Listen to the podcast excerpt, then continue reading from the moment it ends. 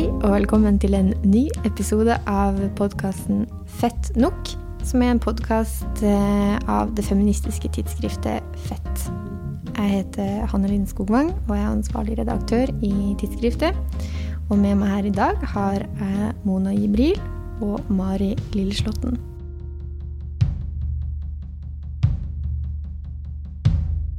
Da kan det være på sin plass med en liten internrevisjon. Hvordan syns dere det går med denne poden? Jeg syns det går fint, men jeg fant ut at det er mye vanskeligere å snakke i mikrofon enn det jeg trodde. Selv om jeg elsker å høre på meg selv snakke til vanlig. det er veldig fint å høre deg snakke i mikrofon også, Mona. Jeg syns også det er veldig fint å være med, mest kanskje for å høre på og prate med dere andre som er med. Men det er jo litt rart å prate til noen man ikke vet hvem er, så det hadde vært gøy å vite hvem vi snakker til, og, og hva de syns om, om, det vi snakker om. Ja, enig. Jeg syns også det er veldig underlig.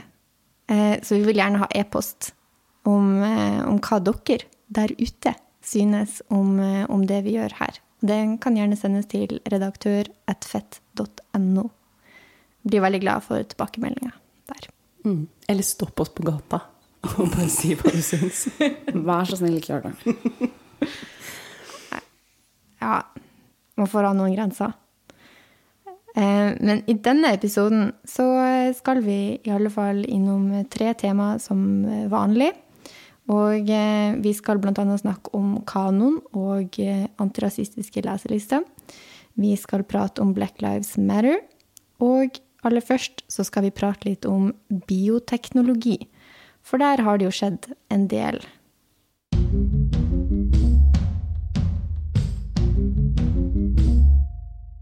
«26. mai i år, 2020, så satt jeg med satskorrekturen på det tidsskriftet som er ute nå, og stressa med det. Og i bakgrunnen så hørte jeg på stortingsdebatten på de nye lovendringene som har skjedd på bioteknologifeltet. Og det er mange. Kan ikke du dra oss litt gjennom, Mari? Ja, det var en lang debatt i Stortinget. Jeg fulgte ikke med på den, men jeg har jo da sjekka i ettertid hvordan det gikk. Og det var um, seks endringer i loven. Eh, tre av de det handler om hva som foregår under svangerskapet. Det handler om fosterdiagnostikk, altså hvor aldersgrensen er senka til 35 år for å få det. Tidlig ultralyd, som skal bli et tilbud til alle. Og den såkalte NIPT-testen, som er en blodprøvetest som kan avdekke kromosomfeil, sånn som Downs syndrom. Og det skal da tilbys til de som har krav på fosterdiagnostikk, eller hvor det er funnet noe på den tidlige ultralyden. Så det er jo da endringer som gir gravide kvinner større kontroll over sitt eget svangerskap. Og så er det tre endringer som handler om assistert befruktning. Så nå blir eggdonasjon og lagring av egg og assistert befruktning til enslige tillatt. Så det er jo Altså, man kan jo tenke sånn bioteknologiloven, gjesp, men dette er jo eh, endringer som er viktige for veldig mange som det angår helt direkte. Men også for liksom hele spørsmålet om hvordan styrer man Spørsmålet om reproduksjon, hvem skal eh, få lage barn og, og ikke. Og jeg tenker jo det at når det er snakk om maktforhold i hvem som skal bestemme over reproduksjon, om det er er det dama, er det staten, er det markedet, eller hvem er det, så er det jo et feministisk spørsmål, så da passer det her. Men de tingene vi har snakket om nå, føler dere at det er noe som angår dere? Jeg tenker vi er jo tre damer i litt sånn passe alder på, når vi ser på gjennomsnittsalderen for førstegangsfødende her til lands. Mm. Um, jeg vil ikke si at det angår meg i den forstand at uh, jeg skal ha barn, men uh, jeg bryr meg kanskje litt for mye om for mye. Så jeg, jeg, er fortsatt interessert i det. Men det er jo ingen av de tingene som kommer til å påvirke mitt liv noensinne, tror jeg faktisk. Nei, ikke sant. Jeg tenker noe Eller sånn For meg så føles de fleste av disse endringene ganske abstrakt akkurat nå. Men uh, samtidig, som du sier, da, vi er i alderen for førstegangsfødende i Norge, sånn cirka. Det er 29, forresten. Eh, og da tenker jeg at disse tingene er nok noe man kan kjenne at angår en sjøl før en plutselig aner det, også veldig fort. Mm. Ja, jeg kan eh, opplyse om at jeg har heller ikke barn, sånn at det er jo på et sånt abstrakt nivå for meg også, men jeg tenker jo at det er eh, Derfor er det på en måte veldig interessant å snakke om det, fordi at det, ja, når det blir aktuelt, så blir det så veldig aktuelt.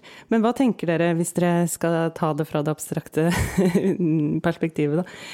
Um, hva tenker dere om de endringene, hvis vi først tenker om de, um, de tre tingene som handler om, uh, om svangerskapet? Altså fosterdiagnostikk, diagnostikk, tidlig ultralyd og, og, NIPT. Jeg tenker at det handler om å gi liksom, kvinnen mer makt og kunne ta liksom, kvalifiserte avgjørelser om hva som foregår inni inni kroppen din når du er, eh, er gravid.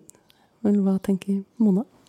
Ja, jeg trodde de tre første tingene var lovlige allerede. Så, så med de tenker jeg at det er rart at det ikke har vært uh, uh, At de først kommer nå, da. Når de endringene her spesielt kom, så tenkte jeg at dette var et veldig deilig og tilfredsstillende etterspill til den abortrunden som vi gikk gjennom for et års tid siden, og veldig passende at KrF går på den smellen, tenker jeg, når de på en måte har fått lov til å sette så mange premisser i debatten om reproduksjon og bioteknologi nesten hele regjeringsperioden til Erna Solberg sine ulike regjeringer. Mm. Ja, og det er vel mye det partiet som har stoppa dette mm. hele veien. Mm. mm. Det er litt rart hvordan de tingene går sånn i ping-pong. Det er først abort, og så blir det lovlig, og så skal vi krangle om det igjen hvert eneste år, liksom. Mm. Men jeg er enig, det var deilig at liksom KrF kan dra til helvete. Mm.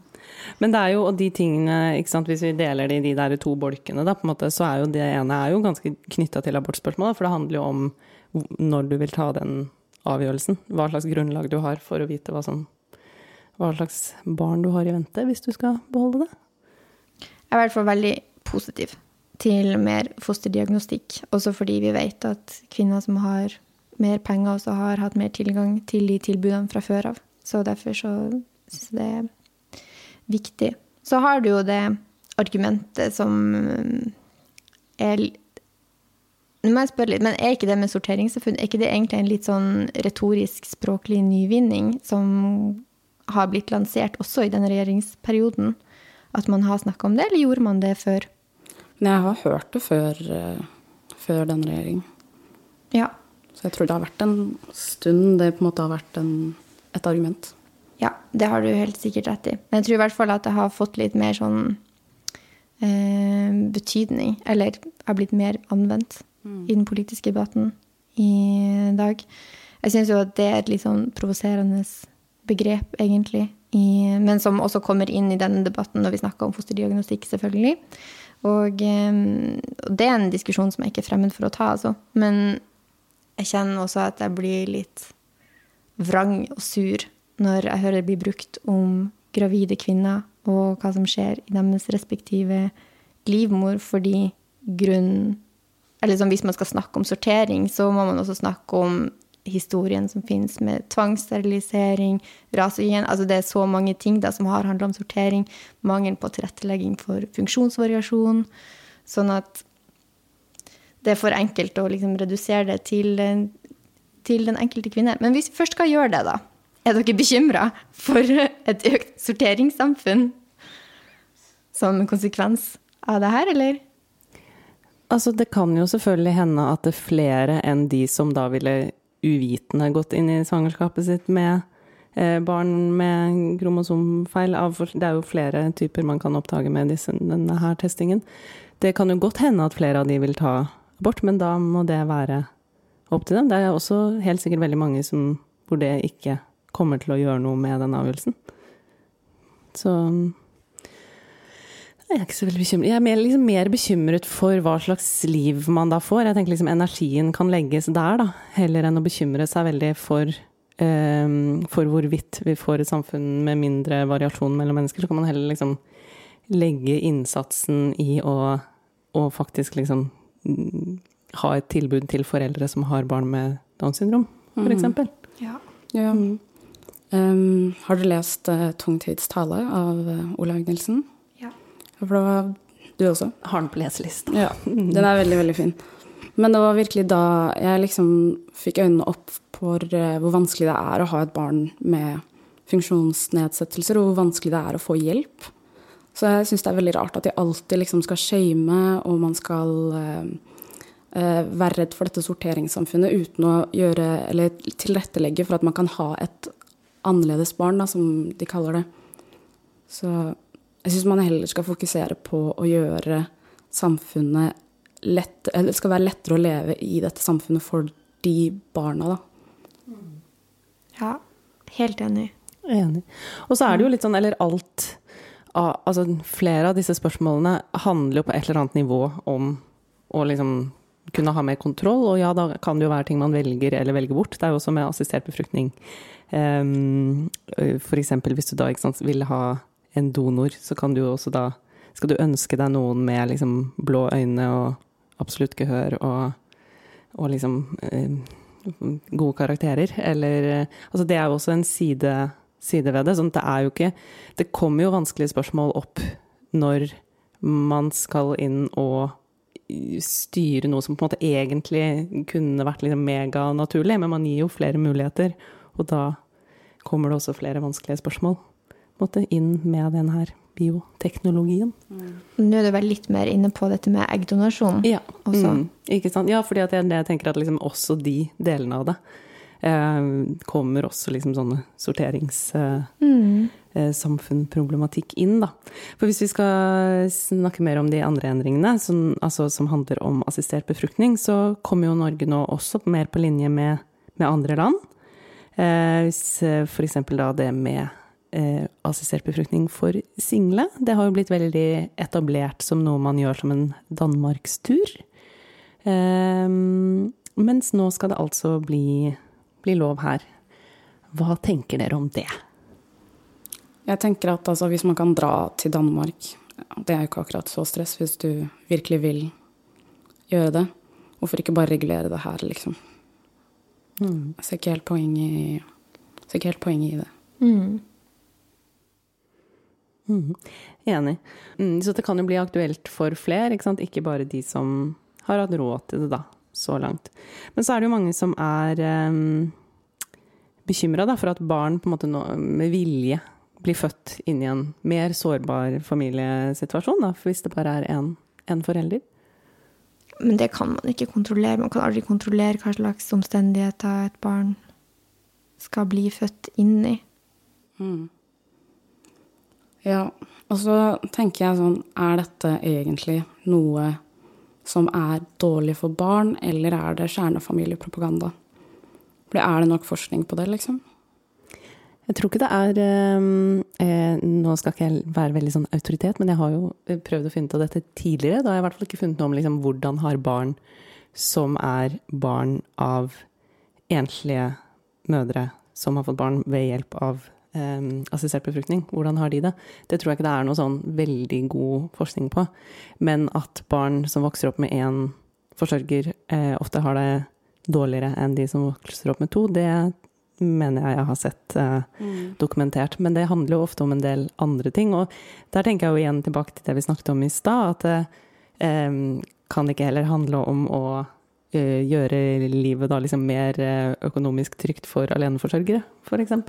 Nettopp. Mm. For det er jo Jeg klarer ikke å tro på at det er fordi man har én forsørger eh, som, er, som, er, det som gjør livskvaliteten verre eller dårligere.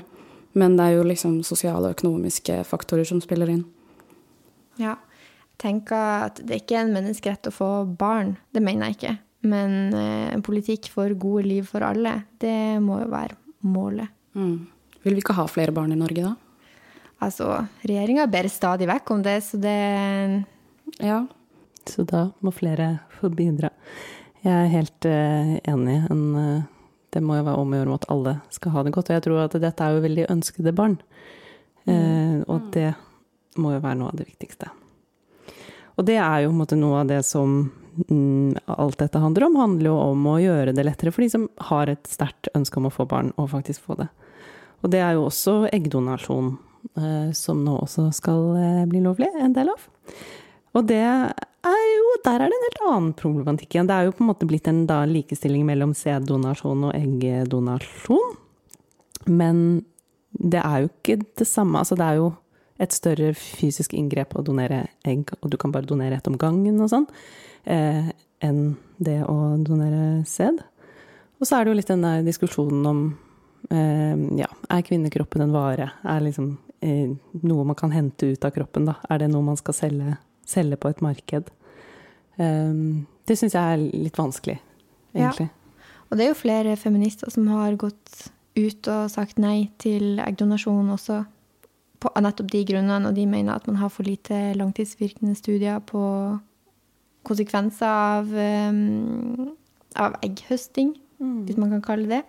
Og, um, og, ja, og, nettopp det med kommersialisering av kvinnekroppen, som jeg òg tenker er et interessant spørsmål for Og det har jo også vært mye debattert i sammenheng med denne lovendringa, som hvor mye skal eh, hvor mye kompensasjon skal en eggdonor få?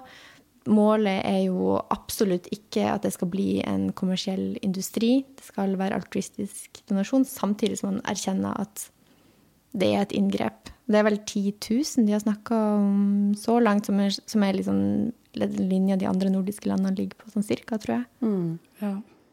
Det, det er ikke 'quit your day job', eh, liksom. Nei, men, uh, men, hvis man skal gi bort eggene sine for å slutte å jobbe, så tror jeg vi ligger på et ganske senkapitalistisk, dystopisk eh, linje.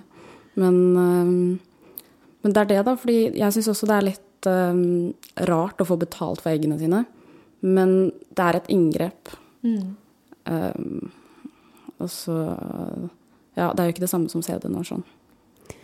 Nei, du må jo sikkert kunne liksom Ja, en viss kompensasjon må det jo være. Men for det er der jeg tenker at det blir så viktig at det reguleres på en måte som gjør at det ikke blir liksom Altså, en ting er jo hva vi gjør i dag, men ikke sant Hvis man er litt dystopisk anlagt, da, og ser for seg at eh, kapitalismen tar overhånd, noe, eller det har den jo gjort allerede, men enda mer også på dette feltet. At man i fremtiden har liksom masse private aktører som uh, Hvor det nettopp blir litt sånn ja, hvem er det som skal få betalt mest? Hvilke barn er det folk vil ha? Altså um, Det tallet jeg har sett fra Bioteknologirådet, er at det, uh, man tror at det er sånn ca. 200 kvinner hvert år da, som etterspør egg. Mm. Og ja, hvem Hva slags egg vil de egentlig ha? Går det ikke lett an å regulere det, liksom? Man kan for, for, for eksempel uh, Man kan eksempel si at man ikke kan velge det egget sjøl den som donerer, donerer, og du får et egg. Det eneste du vet, at det er, liksom, det er brukende. Mm. Passe kvalitet. Ja, ja for hvis ikke kan det bli ganske fort eh, eggenikk, liksom. Mm. Ja. Det er der vi kommer inn og bare 'dette må reguleres strengt'. strengt. Det er vel den linja, linja vi er på. Staten mm. må bli større. Mm. ja, for hvis ikke så kan man jo få helt ville tilstander. For jeg vil også trekke inn en sak som jeg leste på Dagbladet Kjendis her om dagen. Og det er en av de mest absurde kjendissakene jeg har lest noen gang. Da var det stjerna fra Modern Family, Sofia Vergara, som er i en stygg krangel med sin eksmann om hennes egg. Og det er altså flere år siden disse to gikk fra hverandre, men eh, mens de var sammen, så høsta de egg fra henne og inseminerte dem. Og eh, nå er det vel fryst ned som embryoer, og eh, mannen prøver nå å få tilgang til disse, sånn at han, en surrogat kan bære de fram. Så planen var at de skulle liksom bare ha de derre unge liksom embryo, og så putte det inn i henne på et eller annet tidspunkt når det passa dem å få barn? Mens nå vil han gjerne putte det inn i noen andre og få sine egne barn, men med den pene ekskjæresten? Ja, altså ikke vet jeg hva som er motivet for dette. Det høres jo ut som en sinnssyk sånn herske... Eller sånn måte å ha kontroll på noen som man ikke er i et forhold med lenger. Jeg synes det, det har så sterk bismak at jeg vet ikke engang hva, hva jeg skal betegne det som. En veldig ekkel sak. Og det er så rart å tenke at vet du hva, jeg skal ha egget. Ja. Du ga meg det, og jeg skal ha det.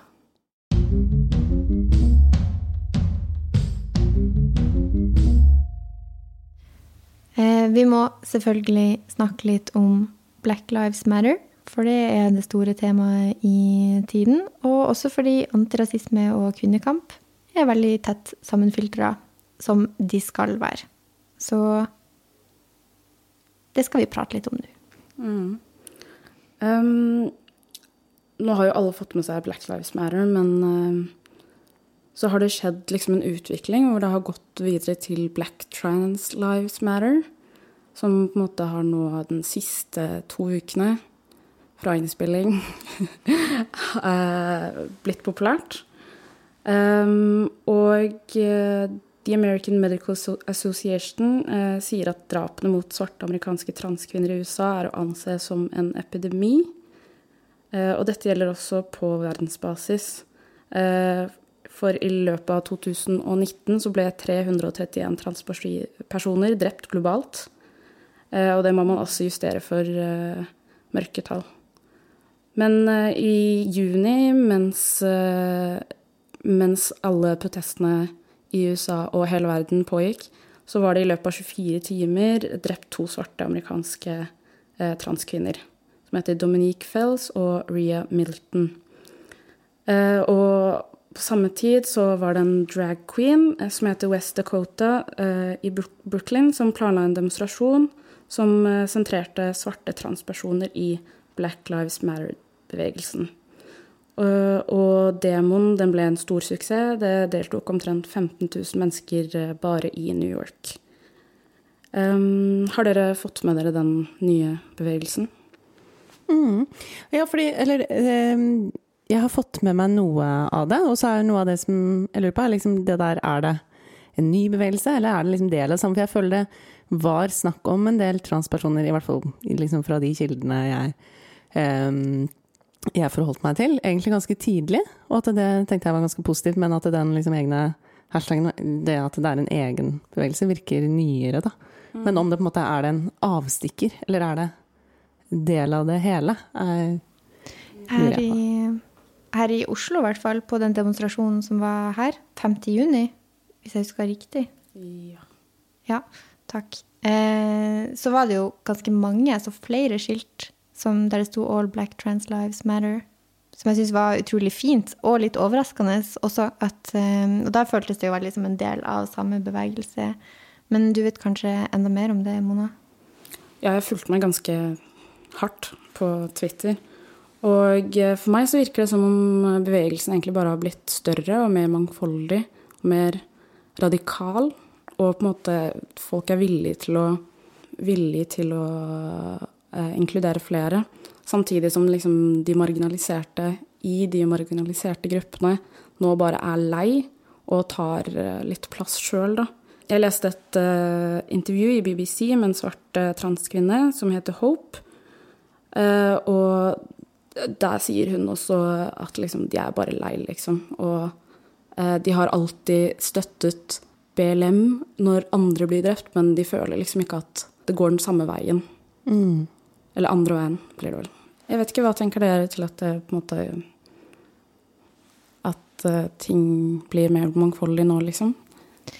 Jeg syns det er så interessant å se at eh, det blir noe Jeg satt og leste litt før vi møttes her i dag også om Kimberley Crenshaw, som er på en måte eh, coina begrepet interseksjonalitet i 1989, så det er jo overhodet ikke et nytt begrep, men har jo virkelig blitt stort det siste tiåret, egentlig, der man Og interseksjonalitet, veldig, veldig enkelt forklart, er jo at man ser ulike At man ser ulike kropper, egentlig, eh, og at de er forskjellige, og at de blir på en måte diskriminert på ulike vis. At man f.eks.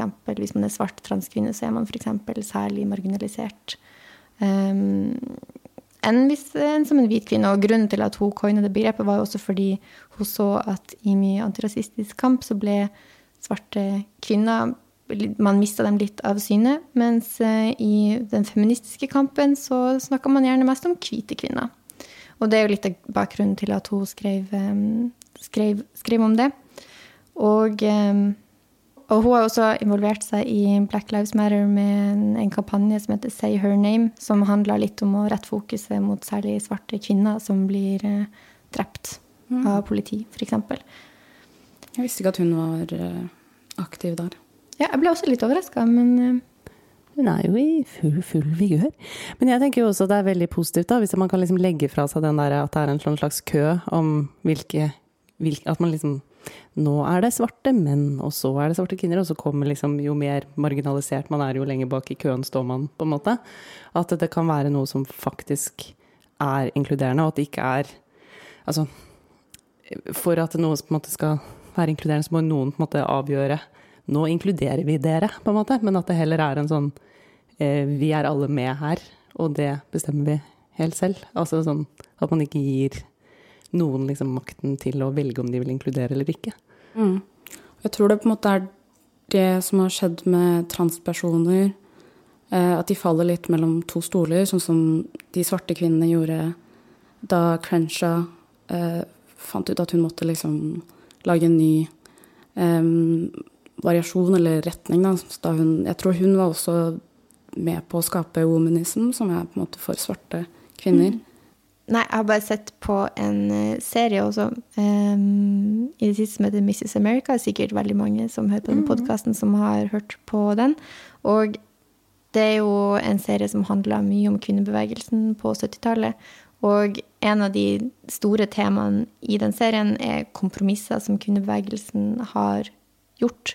Og som, når man ser de med nutidens øyne, så ser man også at det gjør ganske vondt at de gjør noen av de valgene som de tar. Også f.eks. at de ikke støtta Shirley Chisholm når hun stilte til presidentkandidat for Demokratene. Eller at uh, skeive blir på en måte mindre prioritert i den kampen også. Og når man ser det nå, så er det klart også at da blir jo også kvinnebevegelsen fremmedgjørende for en del av de folkene som gjerne i utgangspunktet følte seg inkludert i den kampen.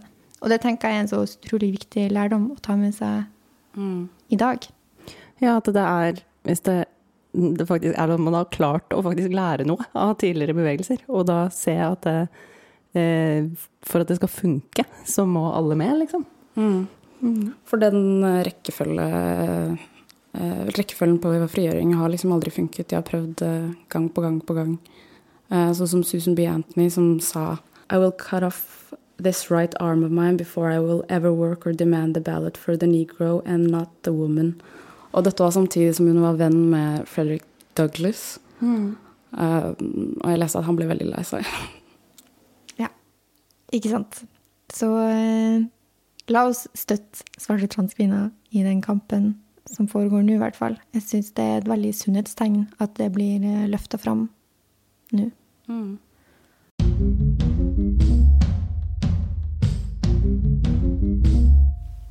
Kan den smadre en rute? Det spør Franziska Hoppe om i den siste utgaven av tidsskriftet Fett, i et essay hun har skrevet om Don Quijote, som regnes ofte som en av verdens, verdens første roman. Og eh, i det essayet Franziska er forfatter og går på forfatterskole i København. Og i det essayet så skriver hun ganske mange morsomme betraktninger omkring kanon. Det er litt vanskelig å gjengi det i sin helhet her eh, vi sitter, men jeg tenkte at vi kunne bruke teksten hennes som et slags springbrett for å snakke om kanoen. kanon. Fordi i flere episoder tidligere så har vi snakka om representasjon og um, verdenssyn som kanskje blir liksom underrepresentert i kunsten og litteraturen. Så tenkte jeg vi kunne bare kjøre den helt ut prate litt om kanon. Eh, det er jo et litt abstrakt begrep, og det kommer fra gresk som betyr, og betyr rettesnor eller mønster. Og som alle vi vet, som sitter her, og alle dere som hører på denne podkasten, så vet vi jo at eh, kvinner har blitt oversett i eh, kanoniseringa i vår litteratur gjennom mange hundre år. Og eh, det er jo også noen som mener at verdens første roman ble slett ikke skrevet av eh, Miguel Cervantes, men av Murasaki Shikibu for om lag 1000 år siden i Japan. Så eh, hva slags forhold har dere som sitter her, til kanoen? Mm, ja. det, sånn, det, blir sånn litt dårlig samvittighet, for det første. fordi da blir det sånn å, det er alle de bøkene man skulle ha lest, men ikke har lest. For eksempel Don Quijote, som står der i hylla og har gjort det siden jeg var 15. Men ellers så tenker jeg jo at, eh, at, at jeg syns det er noe fint med den ideen om at vi skal ha liksom en liste med bøker. Vi skal være enige om at liksom, det er dette Vi burde forholde oss litt til det samme, liksom. Eh, det er ryddig, og det er litt sånn trygt, og da kan vi, da kan vi liksom vite hva vi snakker om når vi snakker med hverandre, istedenfor at det blir liksom fragmentert og sånn. Men samtidig så er det jo nettopp det. Liksom, hvem skal bestemme? Hvem som skal være med, hvem som ikke skal være med. Hvordan skal den oppdateres? Hvordan skal det utvikles? Fordi kanon kan jo ikke være alt heller. Så ja. Nå har ikke jeg studert litteraturvitenskap, det har dere, så dere har sikkert kloke ord om dette. Ja, jeg har studert litteraturvitenskap, dessverre. Men øh, jeg syns øh, Der prøver de å selge inn at vi lærer øh, verdenskanon. Og det kan vi egentlig bare drite i, syns jeg, fordi det er vestlig kanon. De forteller deg at dette er den beste litteraturen som du kan lese, og det representerer mye av det som har skjedd i verden. Men så er det jo bare liksom Frankrike, England, Russland, også liksom én fyr fra Sør-Afrika. Uh, og litt amerikansk også. Um, så jeg har et ganske problematisk forhold til kanon, egentlig. Jeg har heller ikke studert litteraturvitenskap, altså. Som dere ble ikke introdusert for The Tale of Genji, som altså er den japanske romanen. Nope. Men jeg får litt nå, um, I og med at det er et litt sånn abstrakt begrep, da, så blir jeg litt sånn Er det et sånn kanonkontor, på en måte, som produserer kanon, eller er det det er én fyr, um, mitt hatsobjekt, Harold Bloom, som heldigvis døde i fjor. Um, han levde lenge nok, det går fint. Uh, men han har jo faktisk skrevet bøker hvor han sier at dette er kanon. Og da er det Cervantes, Shakespeare Men han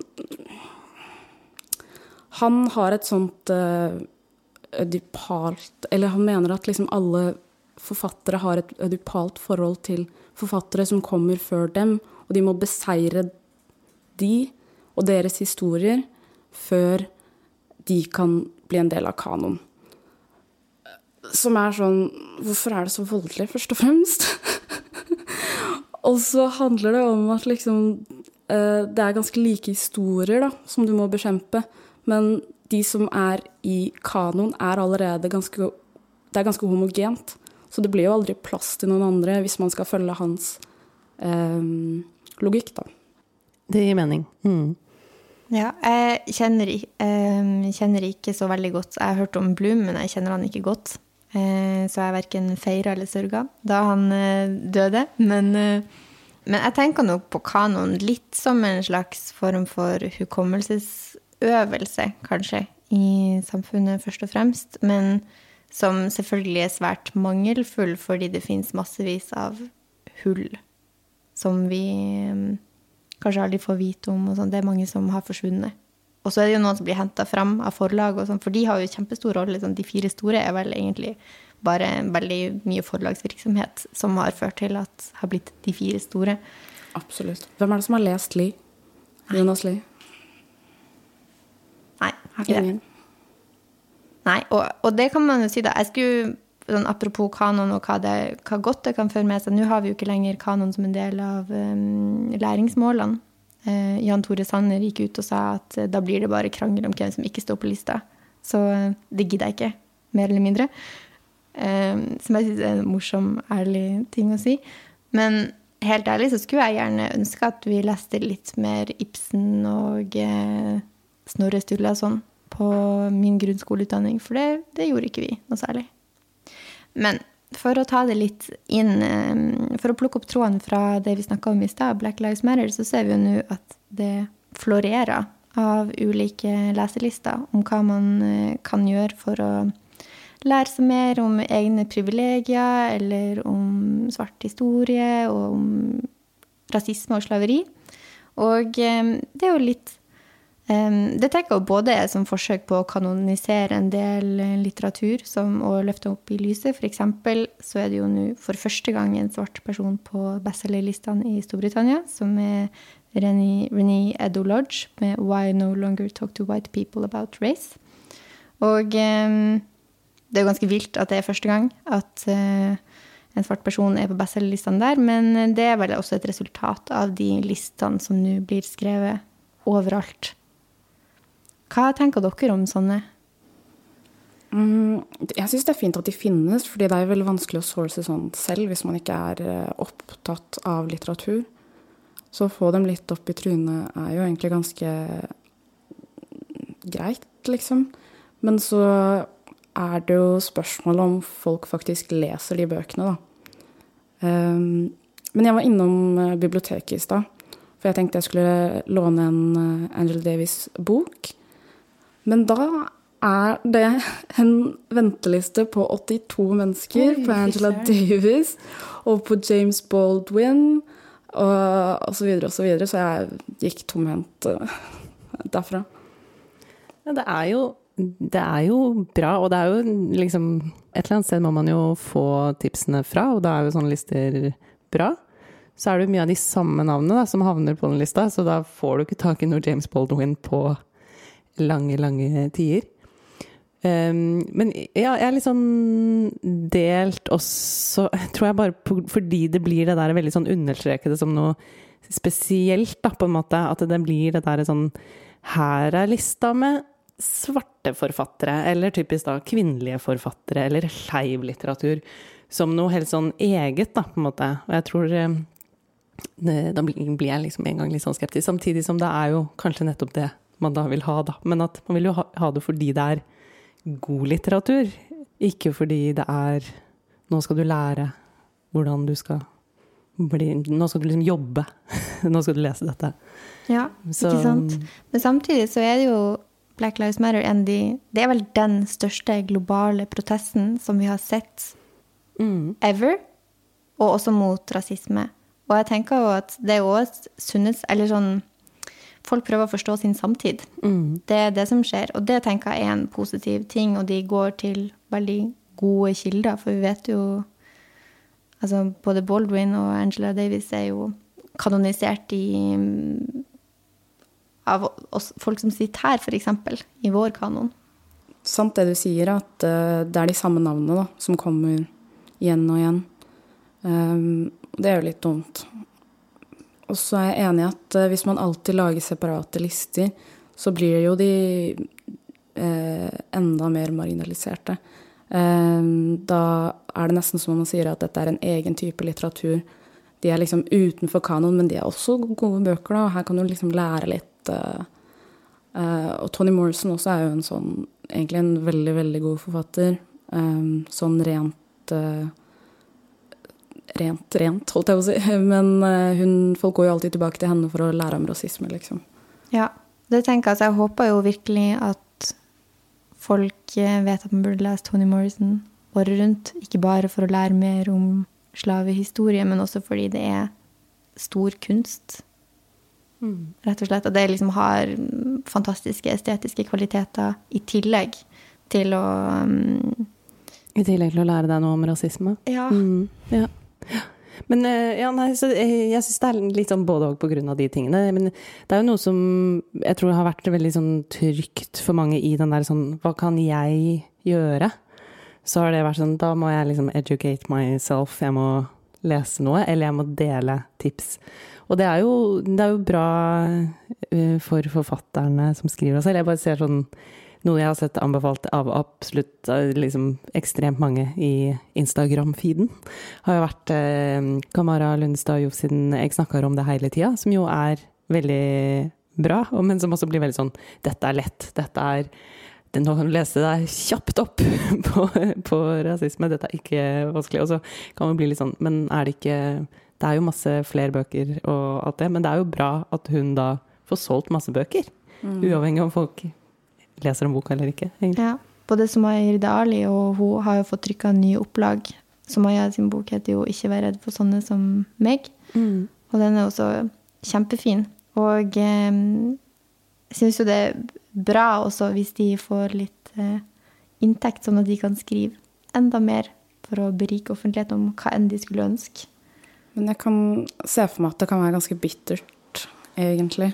Eh, hun eh, Rennie Edlodge, hun skrev jo om uh, at hun syntes det var ganske kjipt at hun nå skulle liksom nå en milepæl i både livet sitt og i Britannia sin historie på bekostning av svarte liv, da.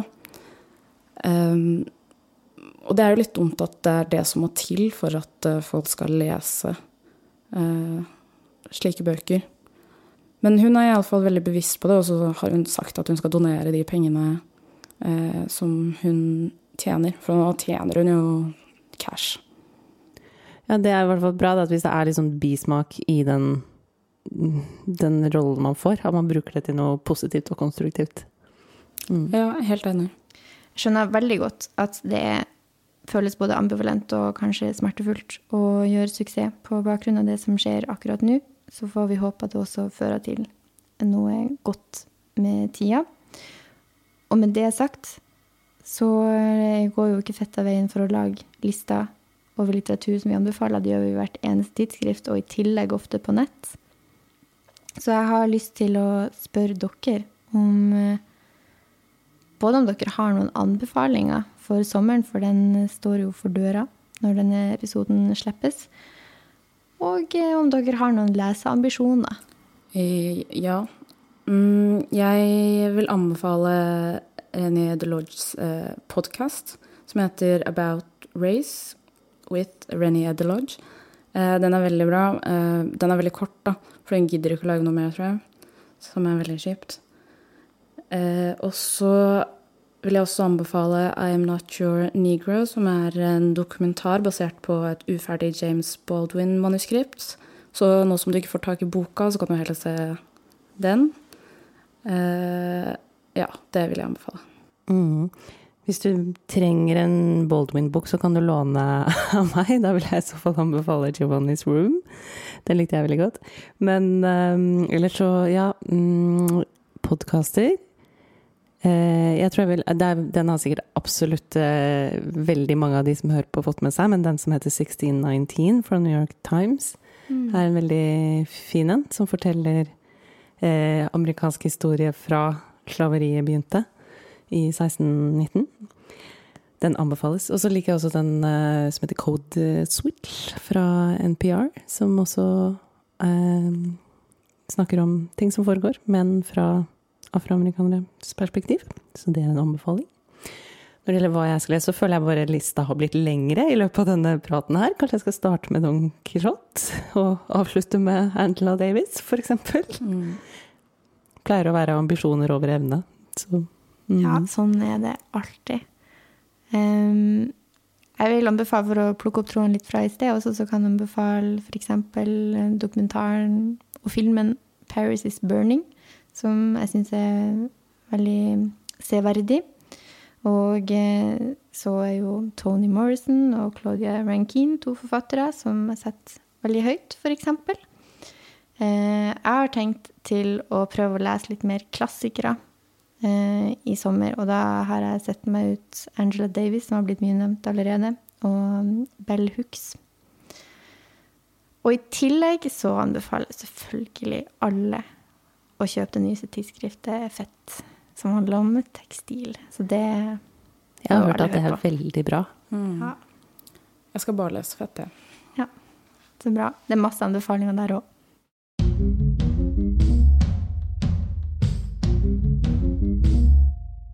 Du har hørt en episode av podkasten Fett nok, som er en podkast av tidsskriftet Fett. I redaksjonen vår sitter Mari Lilleslåtten, Mona Jibril, Eira Ingersdatter, Jenny Schneller, Eline Hystad og meg sjøl, Hanne-Line Skogvang. Eh, produsenten vår er Eline Hystad. Musikken du har hørt, er laga av Anna Lindberg. Eh, logoen er tegna av Kjersti Johanne Barli. Og vi er støtta av Fritt Ord. Det er vi veldig takknemlige for. Og så mente jeg det jeg sa. Eh, hvis du vil høre flere episoder av denne podkasten, så må du abonnere på Tidsskriftet Fett, så vi kan fortsette med det. Vi høres.